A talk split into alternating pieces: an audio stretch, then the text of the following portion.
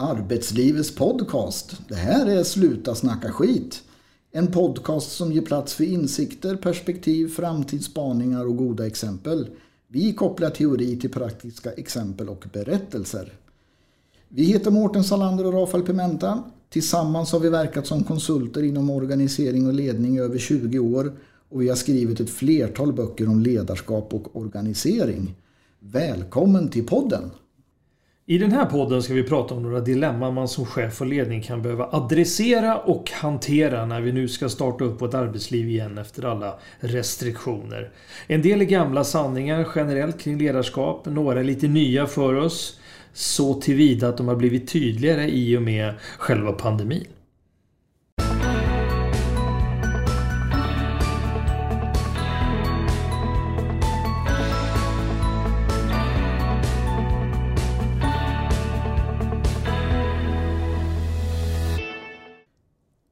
Avsnittet ska ju handla om olika typer av dilemman som har med ledarskap eh, och sånt att göra. Men vad, hur ser du på vad ett dilemma är, Rafael? Ja, alltså ett dilemma är väl, eh, lite av typen eh, hur man än gör så blir inte alla nöjda och det blir inte helt rätt.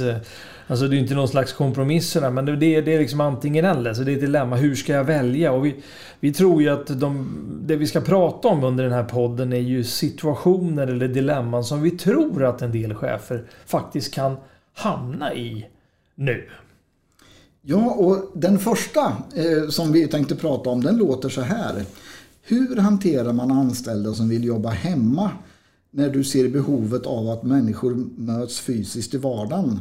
Både för att gynna verksamheten och individens sociala välmående. Hur kan man tänka runt den problemställningen?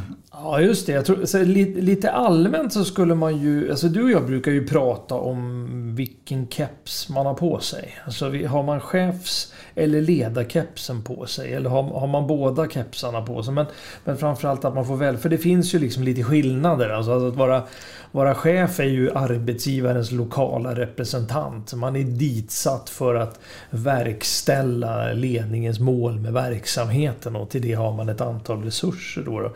Så, så kopplat till det här dilemmat så, så vilken keps har man på sig? Egentligen tror jag är, är det viktigt att titta vad det är som sitter på huvudet sådär. Alltså som chef är du ansvarig för att driva verksamheten mot dess mål. Och i det nå dina delmål som bidrar till helheten. Du ska alltså ha verksamhetens bästa för dina ögon där dina medarbetare är en resurs att nå dit. Alltså rent krast. Det låter lite krasst. Ja, rent krasst så får ju du lön för att utföra ett arbete inom ramen för verksamheten. Och det är någon annan som bestämmer egentligen vad det, vad det är. Eh, och att du ska bidra till det. Så det är organisationens behov som, som kommer fram. Sen vet vi ju då att för att det där ska funka så måste man ju ha ett bra samspel med resursen individen eller medarbetaren. Det låter väldigt det, formellt här. Men folk tappar bort det här att det handlar bara om tjänster och välmående och så. så men vilken, vilken keps har man på sig? Just det. Alltså några saker som man kan behöva tänka på det är ju att man kan se sina medarbetare ur, ur lite olika perspektiv som man inte tar för givet eller generaliserar. Alltså det, det finns ju eh, vad ska man säga, eh, kalla det starka självgående individer som klarar av att vara key account manager över sig själva och sin roll och sin arbetsuppgift. Mm. Eh, men, men det gäller ju inte alla. Eh, utan det finns ju även de som behöver tydliga ramar personlig uppmärksamhet eh, och så vidare. Då. Så här gäller det att se till, till helhetens bästa. Eh, och, och Tänker man då helhet, om vi inte träffas fysiskt, om vi inte har Även om vi jobbar i det här hybrida. så, så, om vi inte har tillräckligt mycket känsla gemensamt. Hur ska vi då kunna kämpa för någonting tillsammans? Alltså en del behöver tydligare ramar som jag var inne på, andra inte. Alltså, eh, rätt eller fel? Nej, men olika behov. Eh, som, som, ledare hamnar ju man ju liksom också eh, i, i relation, alltså i relation, ledarens relation till sina medarbetare hamnar i fokus. Eh, en chef, ja det är ju, vad, vad är skillnaden på en chef och en ledare då? Ja, en ledare vill man ju hänga på. Ehm, man tycker det låter vettigt, du är en bra person. Mm. Eh, yes, jag är med, vi kämpar. Mm. Eh, och, och eh, om man då bara som, man bara som chef ska peka med hela handen så, så har ju det ganska liten effekt mot om man som person och ledare det kan motivera, skapa glädje, entusiasm eh, för att få ja, kalla det det här pusslet som vi kallar arbete att fungera på bästa sätt. Vad kan man göra då? då för? Ja, alltså, vi måste göra klart för sig att både kollegor och grupper fyller djupa mänskliga behov. De är liksom inget självändamål i sig men vi behöver faktiskt andra för att spegla oss i. Att få feedback, eh, hur det går för oss, om vi bidrar, om vi är vettiga personer eh, och så vidare. Och, och det är ju för att om vi inte speglar oss i andra så får vi svårt att värdera oss själva och det vi gör fullt ut på ett mer korrekt sätt. Det är ju även innovativt och utvecklande att vara tillsammans med andra och vi behöver ju faktiskt träffas för att åstadkomma det. Alltså det handlar om att interagera med, med, med alla våra sinnen. Alltså finns det Finns det någon het potatis i en grupp eller en elefant? Alla vet vem elefanten är i rummet. Alltså, du kan ju inte lösa det digitalt utan du behöver ju faktiskt sitta där och andas samma luft för att, för att det ska ta på något vis. Sådär. Ja, ehm. tillbaks till den där gamla sanningen om att det går att nå fram till människor digitalt men det är svårt att nå in i människor ja, ja. i digitala kanaler. Absolut, mm. absolut så. Då, sådär. Sen tror jag att det kommer finnas medarbetare som, som eh, ser en massa möjligheter att få mindre stress i livspusslen för barn. Man kommer ihåg ju själv hur det var med hämtningstider på dagis och, och grejer. Och man ska, alltså det var det, alltså, det är ju tur att man som människa kan glömma ja. vissa grejer för annars skulle det vara väldigt svårt. Sådär. Alltså vi, även att värna miljön genom att resa, resa mindre, det kommer det pratas väldigt mycket ut. Eller, eller bara helt enkelt bestämma fullt ut över sin tid. Eh, men även att man kanske bara ser till sitt och lämnar helhetens problem till chefen. Alltså att, att det blir ju det där som som vi har pratat om lite grann tidigare. Att vi, vi går från att jobba i stuprör till att jobba i sugrör. Alltså det blir, en, det blir ännu snävare. Och jag, jag, tror att man som chef måste bestämma sig för vilken keps man har på sig och när. Och att man är duktig på att kommunicera. Så här gör vi för att, hit men inte längre. Det där låter vettigt, det kan vi göra. Men att man på något sätt så har, alltså, har någon grundtes med varför man resonerar som man gör. Då, då tror jag att man kan hantera eh, just det här dilemmat på ett bra sätt. Nästa dilemma det låter så här. Hur får man medarbetare att känna sig delaktiga, engagerade och ansvarsfulla? Att de gör det där lilla extra utan att de känner att man dumpar saker på dem eller överbelastar dem. Det, det hänger ju lite grann ihop med det här eh, att vi kan hamna i någon snurr med att vi ska hinna ifatt allting vi har missat. Vad, vad, hur kan man tänka lite allmänt kring det då, Mårten? Ja, det här är ju någonting som de flesta chefer tror jag vill uppleva som delaktiga, engagerade, ansvarsfulla medarbetare. Och walk the extra mile. Ja, och även så. kanske mm, chefskollegor och så vidare. Att det där är på något sätt, eh, det vore nice om vi hade det fullt ut så. Mm. Eh, jag tror också att det är det de flesta medarbetare vill känna sig delaktiga, engagerade och ansvarsfulla. Det är väl det på något sätt som är, kallas för arbetsglädje eller eh, sådär. Det, det är ju lite, jag kan tänka att det är olika skäl men eh, vi, vi, är ju bara människor. Vi får ju energi av eh, att vara delaktiga och engagerade. Eh, vi växer som människor. Alltså, tänk att få kunna känna att man hela tiden gör något som man inte kan. Eh, det gäller ju dig och mig också. Alltså, vi kan ju tycka att vi, vi har tänkt lite eh, genom åren och vi har läst lite böcker kan man väl som en underdrift eh, inom vårat skrå. Men vi blir ju ändå lite spralliga när vi upptäcker något nytt. Precis. Så vi är ju oavsett erfarenhet eller eh, nivåer så, så, är vi ju alla bara där. Mm. Eh, jag tror vi människor gillar det här med alltså när vi ökar vår förståelse för, för saker och ting. Då.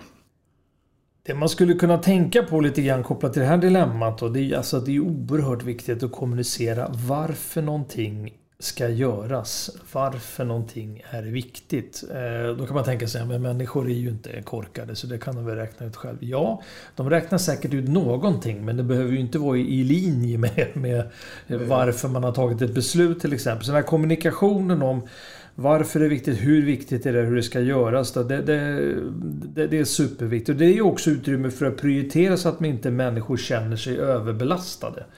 För att om man får någon slags viktighetsgrej på det. Så att, vi träffar ju chefer ibland som säger ja, allt är viktigt. Så, så, så, kan man ju liksom inte riktigt, riktigt uttrycka sig sådär. Men, men, men genom att kommunicera, kunna prioritera varför det är viktigt så kan man få bort känslan av att saker och ting staplas på hög. Liksom. För att om de bara staplas på hög då får man en känsla av att det tar aldrig slut. Eller om man tar eh, metaforen att man är ute och reser, att man kommer aldrig fram. Jag tänker på det här med, med överbelastning. För, för vi träffar ju en del medarbetare ute i organisationer, du och jag, som är nyckelpersoner av olika slag. De kan vara tekniska nyckelpersoner mm. Eh, eller så kan de vara eh, samspelande nyckelpersoner. Men då tenderar man ju att lägga ännu mer på dem. Eh, för att det, det, är bara de som kan göra den här handpåläggningen. Eller så har man en medarbetare som oftast räcker upp handen och säger att jag ställer gärna upp. Mm. Och då vet man att om man går till Pelle eller Lisa ja. så får man avsättning för mm. eh, för det här projektet eller den här eh, arbetsuppgiften.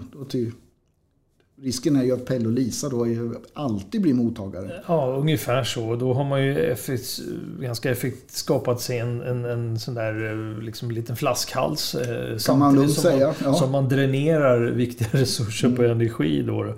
Så att jag, jag, tror just den här prioriteringen där och att man har en plan för, för det här gör att man kan fördela arbetet så jämnt och individuellt som möjligt. Så att, så att vissa inte vilar sig i form på andras bekostnad. För det, det loggas. Det loggas väldigt, väldigt väl. En annan sak man kan tänka på det är ju att att man kan utmana, få medarbetarna att prova nya saker. Du sa ju förut att vi blir lite spralliga när vi liksom får, får lära oss nya saker. Så man kan använda train the trainer, alltså, alltså att folk som kan någonting på arbetsplatsen kan lära upp andra och, och lite sådana där saker. Och det minskar ju faktiskt sårbarheten och det får ju faktiskt människor att växa om vi kan fördela det på ett bra sätt. En del använder ju den här metoden lean och det för att alla ska kunna allt och man delar upp arbete på det sättet. Då. Så det, det är ju en slags metod för att, för att kunna komma dit. Då. Sen tror jag också att eh, hur man möts, alltså mötens form påverkar. Att när, när man väl... Alltså, att, att mötas och ha möten är ju en investering i verksamheten och det är en investering i människors både roll och kompetens. Och då måste det finnas tydliga förväntningar på deltagare och tydliga förväntningar på output. Men nu vet ju du och jag att att så är det ju inte alltid. Utan det är ju mer varför har vi dessa meningslösa möten? Så, så stringens måste man ju ha så att tiden inte bara flyter iväg. Eh, så då. Så att, eh, och det vi har hört är att många upplever att distansmötena har varit mer effektiva under Corona. Så man har uppskattat dem mer. Helt enkelt. Och då kan man ju fundera på varför? Är det för att vi sitter digitalt? Nej, det tror inte jag ett smack på. Utan jag tror att man har förberett sig mycket mer. Det är ett nytt format och hur gör man det här? Så man är liksom lite mer på. Tänk om vi kan behålla det här, vara lite mer på och flytta in det i de fysiska mötena så vi får samma stringens där. Då kommer jag, tror jag att det kommer bli kanon. Men vad skulle man kunna göra då? Ja, alltså det, det, finns mycket eh, sådär. Men jag, jag, tänker på det här med att vi är ett socialt flockdjur. Just eh, och, och, att vi måste även skapa tid. Även om det ska vara stringent, eh, även om det ska vara uppstyrt och sådär. Så, så, tror jag att man behöver liksom skapa tid för, för socialisering. Det är någon form av, av energigivare. Mm. Eh, speciellt nu när vi ska blanda eh, det fysiska med det, med det digitala. Då. Det är på något sätt eh, bränslet i organisationen. Mm. Engagerade, ja. Vad, vad, vad, är det? Vad är att vara engagerad tänker jag då? Ja. Ja, är det att se lite pigg och alert ut? Ja. Alltså, är det ju inte, men, men det ofta säger vi så. ja, alltså jag gillar engelskan ibland. Det är ju ett mycket mer så att säga, mångfacetterat språk. På, på engaged på engelska betyder ju förlovad. Alltså att vi har kopplat, kopplat ihop, ihop oss. Ja. Och, och, en engagerad medarbetare, då skulle man kunna säga att ja, då har vi kopplat ihop oss runt en uppgift vi har att lösa eller de mål vi ska nå eller det samspel som vi har tänkt att vi ska... Eller en vision eller en färdriktning. Eller vad det nu kan vara för någonting. Eh, sen finns det ju chefer som liksom går omkring och tänker att då ska jag motivera mina medarbetare. Du och jag hävdar ju med bestämdhet att det kan man ju inte göra. Nej. Utan vad man kan göra är ju att skapa förutsättningar för att individen upplever motivation. Det är liksom någonting som kommer, eh, kommer inifrån. Det går ju liksom inte att hälla, i, hälla över från mig till dig sådär. Och då blir ju uppgiften att skapa utrymme för engagemanget slash motivationen. Då. Eh, lite på det sättet. Då. Och hur, hur, kan man göra det? Alltså, ja, då är det den här socialiseringen jag var inne på. Men jag tänker även på fira segrar och delsegrar, små och stora saker. Prata om det vi lyckas få till och säga att det är det vi ska göra mer av istället för att foka på syndabock och det som inte funkar. Just det. Eh, jag tror vi, pratade om det tidigare, jag tror hårt på det här med att bryta ner mål Eh, till delmål, till korta saker som vi kan mäta, följa upp, diskutera hur det går för oss. Ge lite cred och feedback. Alltså det är så himla lätt att vi tar varandra för givet. Eh, ge varandra cred för det braiga vi gör. Då kommer vi att fortsätta att göra ännu mer braiga saker.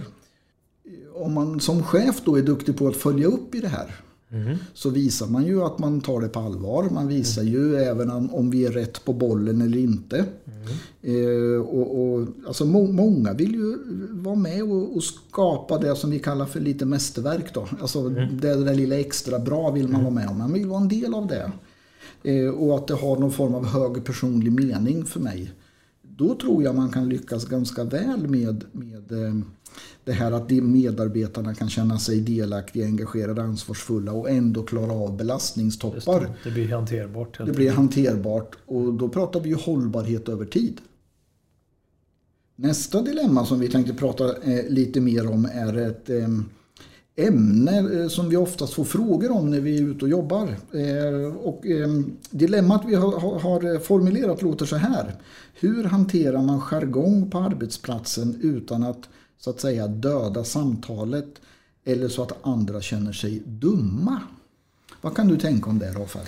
Ja, jargong, det är ju lite lurigt. Alltså det, jargong betyder ju gruppspråk eller alltså att det är ett slags internt språkbruk som är svårbegripligt för utomstående. Och jag kan tänka att det kan vara svårbegripligt även för de som är inomstående. Ja, men tänk om du är lite ny eller sådär. Eller liksom kopplat till att vi har haft hemarbete nu och så träffas man igen och, och, och lite så. En del kanske har haft möjlighet eller valt mer på arbetsplatser och umgås fysiskt och andra varit hemma. Så det kan, det kan komma, komma en del saker där då. då. Eh, annars kan man ju förknippa jargong lite grann med att det är stämningen är rå men hjärtlig. Alltså lite, lite omklädningsrum över det.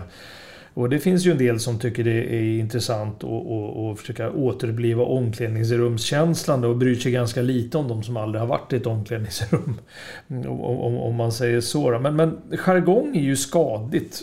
Oftast väldigt, väldigt skadligt. Alltså vi, vi vi anpassar ju oss till det för att få vara med, den här drivkraften eh, att få vara med. Och vi är beredda att betala ett ganska högt pris för att vara med. Och kan stå ut med och ställa upp på, på en massa saker som, som inbegrips i, i, i, i ordet eh, jargong. Då. Och det som gör att det är att det är lurigt och att det är skadligt för det mesta. Det är ju att det innehåller inslag av feedback som inte är feedback by the book. Av det skälet att det inte går att bemöta. Och dess innehåll går heller inte att diskutera. För det är ju bara något lite sådär rått men hjärtligt som man säger. Och, och liksom vill man då försöka... Alltså vad menar du med det där när du säger det där då? Då, då kan man vifta bort det och så försvinner det. blir som en tvål i ett badkar. Det går liksom inte att få, få tag på det. Så, så, så eh, det, som, det som det händer egentligen då när man, när man inte vet vad menas egentligen med det som sägs här i jargongen vid fikabordet. Alltså, det skapar ju en enorm osäkerhet och gör att man faktiskt kanske tystnar alternativ deltar i den fast man inte på ett värderingsmässigt plan överhuvudtaget eh, håller med om, om det som sägs eller görs. Då. Ja, det ligger oerhört mycket i det där att vi är beredda att betala ett enormt högt pris för att få vara med i det sociala mm, sammanhanget.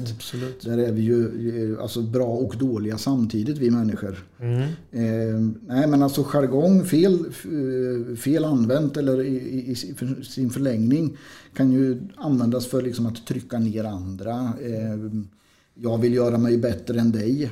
Mm. Det kan ju även vara så att jag har ett revir det kan ju vara vi eller jag som har ett revir. Jag vill försvara mina arbetsuppgifter eller jag vill försvara så som vi jobbar. Just eh, och så vidare. Och då kan jag använda jargong för att eh, Markera, markera platta ut, vilseleda eller, eller bara tala om för dig att eh, jag har nog lite mer inflytande än vad, än vad du har. Mm. Så det är ju, det är, ju en, en oren och dålig form av kommunikation som du var inne på. Eh, och än värre är ju om man som chef deltar i det. Som chef måste man ju hantera det. Mm. Vad, vad, kan man göra då? Alltså, alltså vill man ha en rak och direkt och ärlig och öppen kommunikation på en arbetsplats då måste man ju ta tag i jargongen. Mm. Annars så tystnar ju inordnas ju människorna i det här och till slut tycker de ju kanske att det här är inte mitt ställe längre så Nej. då lämnar de. Mm. I jargong blir det oftast, alltså jargong och skitsnack tenderar ju att gränsa mot varandra. Men, men att det är lätt att det bara blir prat om saker vi har gjort fel eller inte fått till. Och, eh, ja, man, man, man skojar om att vad kul att du fick på dig skorna åt rätt håll idag. Och, alltså, och hittade hit. Ja, ja hittade hit. Alltså, sådär. Eh, istället för att man kan utmana varandra på ett positivt sätt. Att man vågar fråga när man inte förstår. För, för då helt plötsligt leder det till att vi blir lite bättre varje gång. då. Mm. Jag var inne på det här med att i jargong finns det ofta syndabockstänkt. Mm. Eh, och, och, där vill man ju inte hamna och då slutar man ju ta initiativ och då slutar man ju ta risker, man slutar att ta eh, beslut. Och, och då gör det ju Alltså då stannar innovationskraften och, och progressiviteten in i en grupp eller en organisation stannar ju där. Mm. Och det är ju förödande på sikt. Man tappar sina talanger också tror jag. För, för eh, är man anställningsbar och åtråvärd på andra ställen och man känner att det här är fel eh, på det här stället då, då tror jag man, man, man eh, flyttar på sig. Jag, tycker, jag, jag, minns ett, jag minns ett ställe vi var på, för det är, det är rätt många år sedan nu. Mm. Och där var en påtaglig jargong som drevs av i huvudsak två individer. Och de andra stod ut. Mm. Eh, eh, och vad hände? Vad var det som gjorde att det slutade? Jo, det var en person som inte hade sagt något på väldigt länge. Som ställdes upp i den här lokalen vi var i. Som mm. sa att eh, ja, en sak ska du vara säker på. Det är att du företräder i alla fall inte mig. Och jag tycker du ska sluta med det där nu. Och peka på den individen. Och pekade på den individen. Och därmed så kunde 80-90% av de andra säga jag håller med, det här är förskräckligt det vi har hållit på med. Men i början där var det ju ingen som vågade, vågade trycka hål på ballongen om jag uttryckte mig så. Men de fick ju stopp på, på jargongen. Det tog ju vad, vad det tog för henne att säga den meningen. Ja, just det. Så det är ju modigt. Mm. Vad, kan man, vad kan man göra mer då? Jag på något sätt så måste man ju våga prata om det, så okay, om det som är okej okay och inte och ge exempel på, på vad det är. Att man kan berömma det goda. Att vi tränar oss själva och varandra i öppenhet och skapar en tillräckligt bra feedbackkultur. För den fungerar ju som en ventil när det blir fel. Men den fungerar ju även som en, en vägvisare när vi gör bra saker eller, eller på rätt spår. Då. Alltså det krävs ju en mod att gå emot och bryta en jargong för det är väldigt det är väldigt starka krafter. Men jag tror att om man jobbar med tydliga förväntningar och spelregler så är det ett oerhört kraftfullt verktyg att balansera upp jargongen. Det är klart att vi måste kunna skoja lite med varandra och ha lite roligt och sådär. Men den här gränsen när det där liksom går över och blir destruktivt och sådär. Den kan vara svår att se att man har passerat eh, faktiskt. Ja, och helt plötsligt är man inne på att vi har massa kränkande eh, beteende mot varandra eh, som inte är okej. Absolut. Nej, men så jag tror att om man jobbar man strukturerat med en del av ledarverktygen, varav förväntningar, spelregler och att man vet hur man ger feedback och dessutom organiserar det här på ett bra sätt så bygger man en grund eller en mur som står emot jargong helt enkelt. Om de är två sidor av eh, samma mynt. Nästa dilemma låter som följer. Hur hanterar man skvaller och konflikter som chef utan att dras in i det själv och kunna förbli opartisk? Ja, det här är ju eh, lite extra spännande tycker jag. Ehm, Alltså, skvaller mm. eller prat sådär på, på en rimlig nivå. Eh, jag tror det både är ofarligt och det livar upp tillställningarna ja, till vad de lite kul. Ja, ja. First class gossip. Ja, precis så. Ja. Men alltså när det övergår i jargong eller indirekt kritik mot andra eh, där den personen eh, liksom inte är med och kan föra sin egen talan, alltså då blir det väldigt problematiskt. Mm. Eh, människan har i alla tider haft ett stort behov av berättelser. Alltså, vi är ju sprungna ur en eh, lång utvecklingshistoria men, men förr var vi väldigt upptagna av berättelser från grannbyn i nästa dal eller den andra stammen längre bort på savannen, vad gjorde de och, och sådär. Och i modern version så blir det prat om varandra i organisationen, om kunder och givetvis om chefen. Absolut. Det är samma mekanism som gör att, att ett företags vision är så viktigt. Alltså det är en berättelse, kalla det lite framtidsskvaller om vart vi är på mm. väg. Men vi människor behöver det. Mm. Så, så skvaller, eh, ja det kommer alltid att finnas där. Frågan är ju bara hur vi hanterar det då. Och vad kan man tänka på då, då Rafael? Ja, du är inne på det. Skvaller, jargong och syndabockstänk som vi har pratat om. Det är ju en grogrund för konflikter. Alltså, så det, det gör ju att det börjar liksom växa i gräsmattan. Då. Så en konflikt definierar vi som en störning i relationen från en person till en annan. Eller mellan två personer. Så den kan vara både dubbelriktad och enkel, enkelriktad. Jaha, då. så du, du, du kan ha en konflikt med mig utan att jag har en med dig? Ja, du kan vara lyckligt omedveten om att du är indragen i en konflikt. För jag, för jag tål inte dig helt enkelt. Det är det det handlar om. Det, man, man tål inte varandra helt enkelt. Och, och, och, när man har kommit till det stadiet då spelar det ingen roll vad den andra säger eller gör. För det tas liksom inte in. Och, och har man två nyckelpersoner på en arbetsplats som är i konflikt med varandra. Alltså deras respektive avdelningar eller grupper. Där behöver samarbetet funka. Då, då, då, avstannar ju arbetet eller kvaliteten går ju ner på en försumbar nivå ända tills man hanterat den, den här konflikten. Då, då.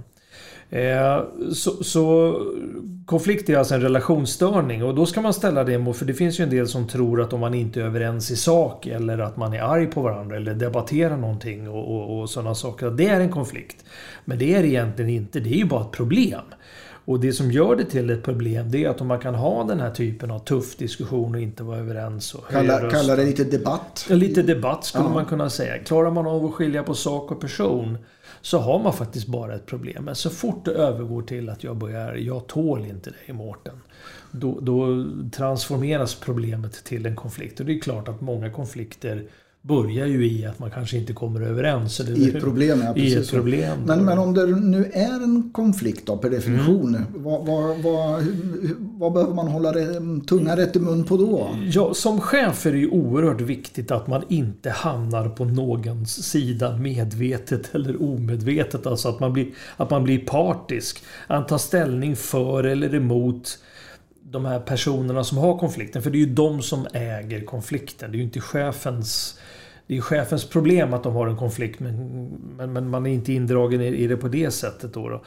Så, så, att eh, man får inte ta ställning för, för eller emot. Så jag kommer till vad, vad, man kan ta ställning till. Då, då. Men, men, några vanliga misstag är att man inte har en bra struktur eller plan för hur man hanterar konflikter. Man har helt enkelt för låg kunskap om hur man gör. Här finns det ju massa hjälp att, att få då. då. Men, men att man pratar ostrukturerat om det finns ingen målbild. Man har inte spelregler för samtal. Man dokumenterar inte det som är satt sagt och man får inte fatt i själva grundproblemet. Men har man en sån här mall och en struktur då kan man ta reda, ta reda på allt det här. Och kan man få det här på pränt och liksom vara överens om var problemet ligger. Alltså vad är det som gör att den här konflikten överhuvudtaget blev till då kan man faktiskt också, också lösa upp det. Men som sagt, det finns mallar och, och grejer och tänk och, och, planer och sånt där som, som gör att man faktiskt kan eh, hantera konflikter bra. Och vi vet ju också att om man lyckas hantera konflikter på ett bra sätt så kommer man oftast ut betydligt starkare på andra sidan. Då. Men, men vad kan man göra lite mer konkret då?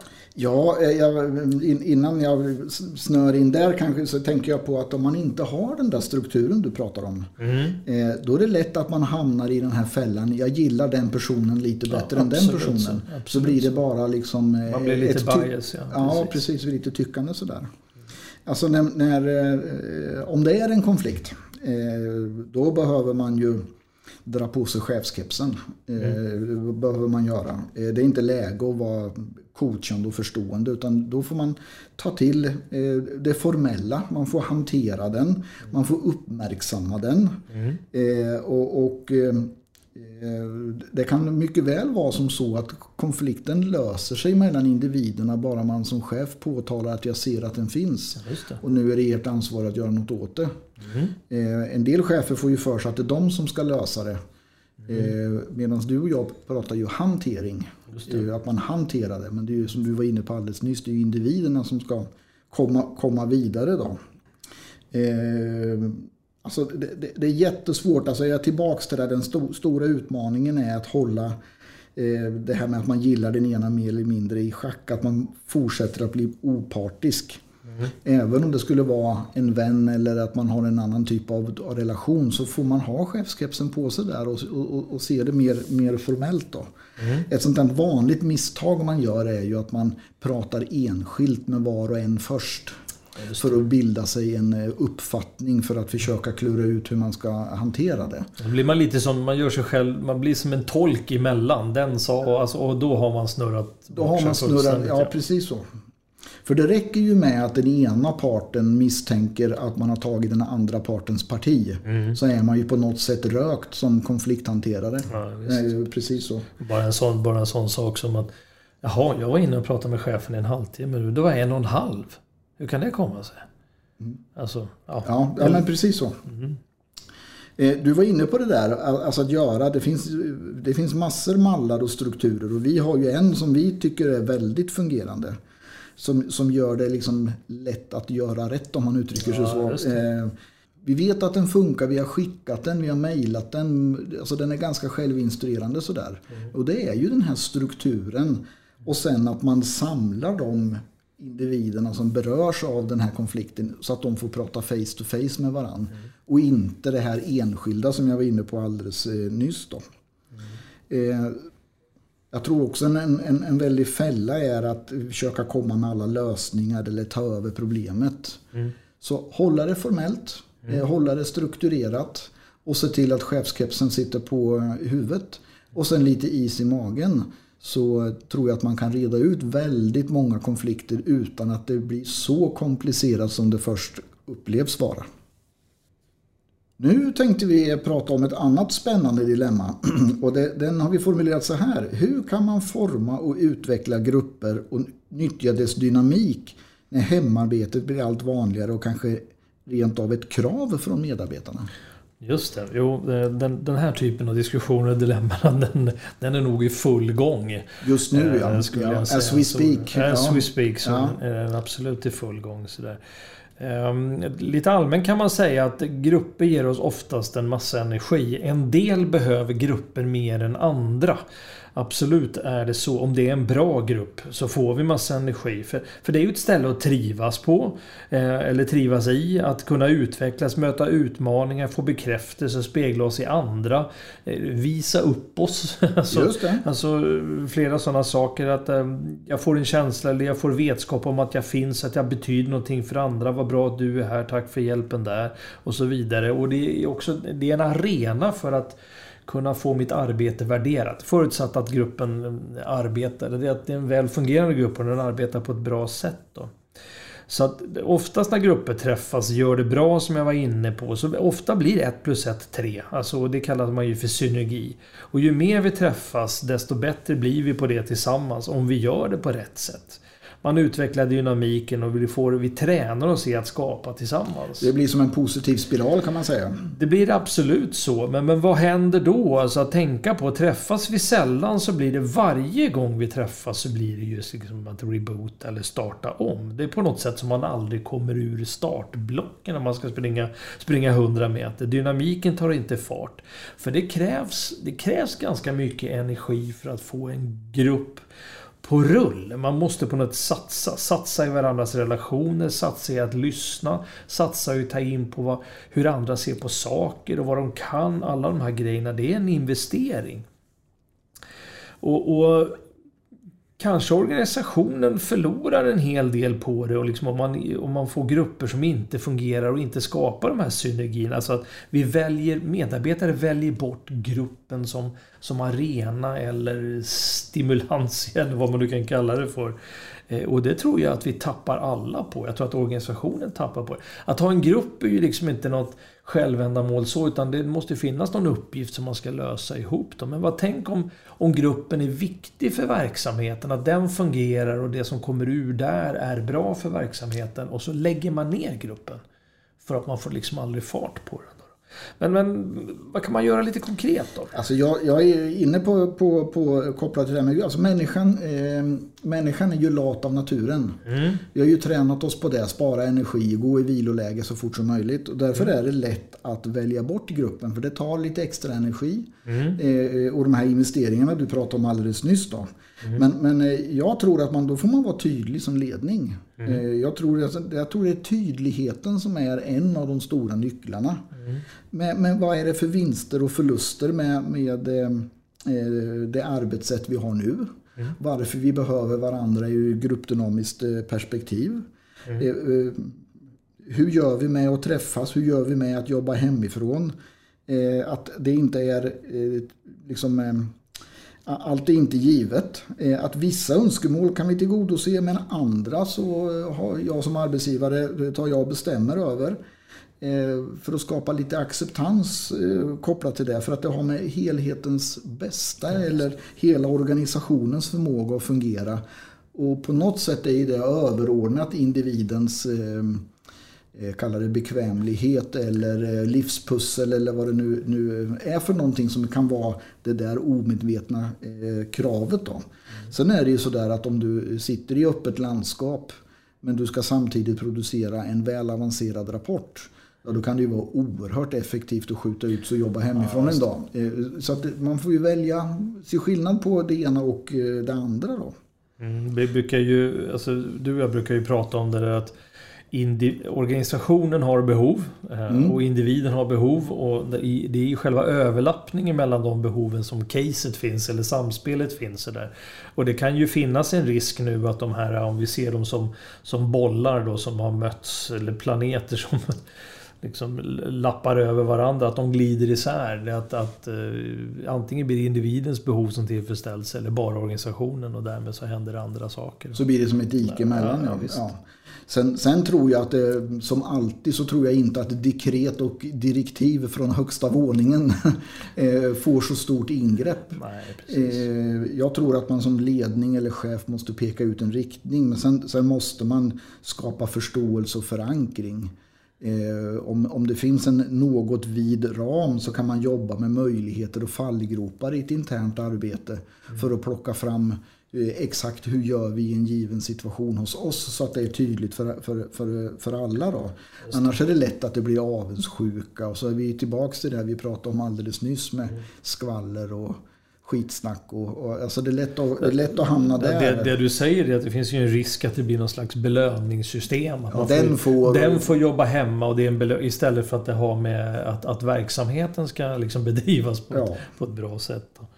Sen tror jag att man måste bestämma sig för att om grupper är viktiga, om det så är projektgrupper eller organisatoriska grupper, då måste man som, som ledare eller ledning eh, bestämma sig för det och så organisera det arbetet lite. Mm. Eh, Så att man bygger upp eh, gruppen som grupp och bygger lite stabilitet i relationerna. Så att vi tål att jobba hybrid eller mixat. Eh, Så även att Kalle är inte med alla gånger, si eller Lisa där eller så, så fungerar det ändå. För vi har en bra liksom, plattform att stå på. Det. Eh, Om det är samma personer som alltid eh, jobbar hybrid eller som eh, är med på Teams. Ja, när vi har det. så. När vi har möten. nu. Ja, då tror jag att det är, och och det är alltid samma personer som deltar fysiskt. Mm. Då tror jag faktiskt att det kan bli ett fysiskt A-lag vad det gäller relationer. Mm. Och det kan bli digitalt B-lag.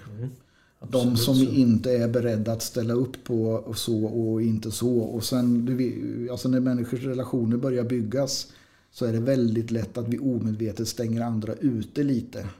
Eh, Så jag tror det finns en, en stor risk där faktiskt. Mm, jag var, när du säger som du säger, jag var faktiskt erbjuden på ett möte för inte allt för länge sedan och det var på deras kontor. Och de skulle ha möte och då var det två stycken som deltog digitalt. En satt hemma och en satt i ett kontorsrum bredvid det rummet där vi satt i. Eh, det var faktiskt en ganska märklig känsla och jag såg ju på gruppen också när de upptäckte att När de frågade ska du inte komma hit? Och så, Nej, men jag sitter bra här. Ja. Det var lite lustigt. Men jag, jag, tänker även på det du har sagt. Så jag hade en personalchef en gång som sa till mig att om, eh, lite kopplat till det här A och B-lag. Alltså att om man inte rör i grytorna så får man ingen mat.